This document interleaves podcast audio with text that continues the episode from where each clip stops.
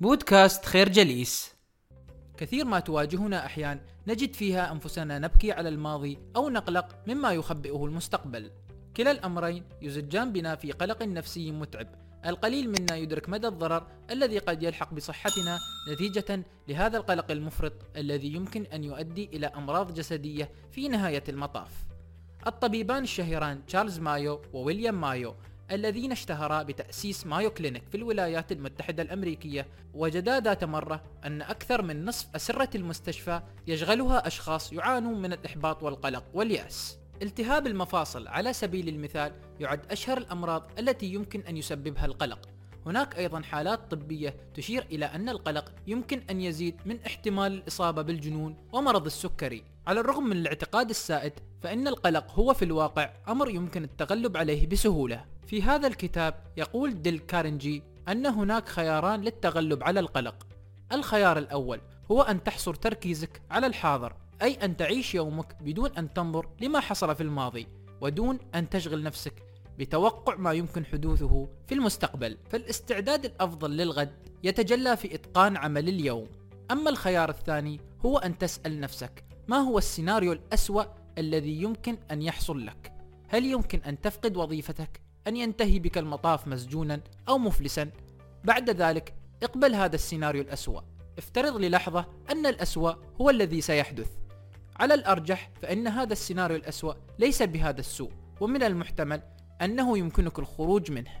على سبيل المثال إذا فقدت وظيفتك يمكنك دائما العثور على وظيفة أخرى. بمجرد قبول هذا السيناريو الأسوأ من المحتمل أن تشعر بمزيد من الهدوء والسكينة لكيفية التغلب على قلقك. الفكرة القلق المفرط مضر لصحتك النفسية والجسدية على حد سواء ولكن هناك حلول سهلة للتغلب عليه. هربت هوكس عميد كلية كولومبيا عندما أجرى دراسة للبحث عن أسباب القلق وجد أنه ما لا يقل عن 50 من الناس يقلقون لأنهم لا يملكون المعرفة الكافية لاتخاذ القرارات المناسبة. تخيل مثلا أنك تعمل في إحدى الشركات وأن الشركة تقوم بفصل عشرات الموظفين في كل شهر. فنتيجة لذلك يتكون لديك قلق حيال تلك المشكلة مما يؤثر على أدائك في العمل. لكن ذلك يرجع لعدم امتلاكك للمعرفة الكافية. وبالتالي عليك الحصول على المعرفة المناسبة بتجميع كل المعلومات التي تتعلق بأسباب فصل الكثير من الموظفين من الشركة. وكيف تستطيع أن تحسن أدائك في عملك وكيف تحافظ على وظيفتك. حينها ستتغلب على القلق تجاه تلك المشكلة وسيصبح لديك صورة شاملة عن المشكلة بامتلاكك المعرفة الكافية. تعد خطوة تجميع المعلومات من الخطوات الأساسية لحل المشكلات. فمن خلال تحديد المشكلة وتجميع كل المعلومات المتعلقة بها ثم وضع الحلول وبعد ذلك اختيار أنسب الحلول وتطبيقها ستحل المشكلة بإذن الله. عليك كذلك أن تدرك بأن مجرد اختيارك للحل الأفضل بعد تحليل الحقائق فإنه يتوجب عليك تطبيق الحل فورا وعدم الرجوع إلى مرحلة التحليل مرة أخرى. الرجوع وتحليل الماضي عادة شائعة لدى كثير من الناس الذين عادة ما يتساءلون باستمرار أما إذا كانوا قد فعلوا الشيء الصحيح وما إذا كان قد لا يزال هناك وقت لاتخاذ مسار آخر. الفكرة اجمع كل المعلومات عن المشكلة التي تسبب لك القلق. وابحث عن الحلول واختر أفضل حل ثم طبقه بدون تردد. المتداولون في سوق الأسهم يعرفون استراتيجية مشهورة تدعى وقف الخسارة والتي تعني أن يتم شراء أسهم بسعر معين ومن ثم يتم ملاحظة تطور سعرها.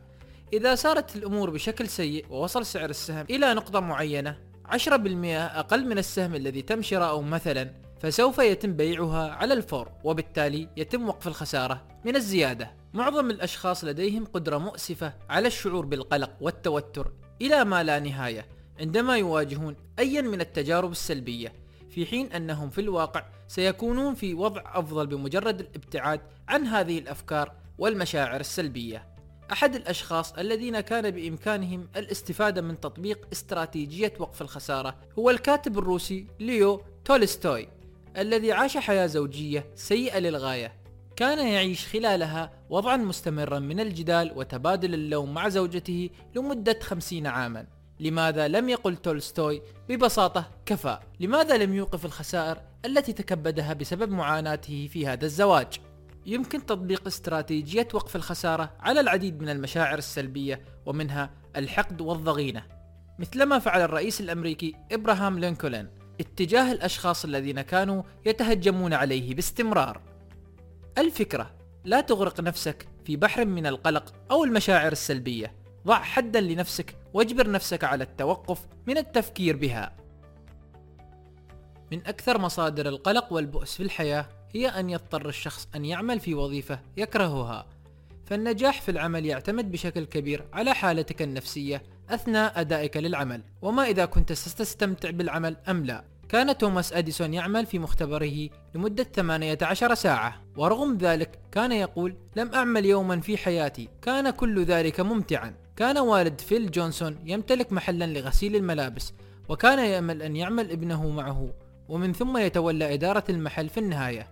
لكن فيل كان غير مهتم بذلك بل اختار العمل كميكانيكي بدلا من ذلك. وبينما كان والده يشعر بالصدمة من هذا القرار كان فيل سعيدا بعمله مع الآلات التي كان مفتونا بها. هذا الاهتمام بالآلات دفعه لاحقا إلى رئاسة شركة بوينغ.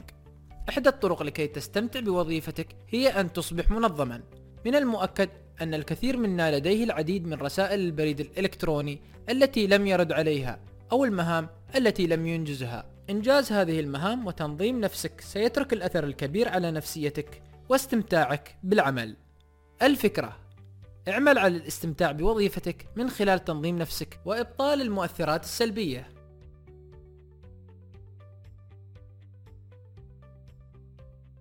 نشكركم على حسن استماعكم. تابعونا على مواقع التواصل الاجتماعي لخير جليس. كما يسرنا الاستماع لآرائكم واقتراحاتكم. ونسعد باشتراككم في البودكاست.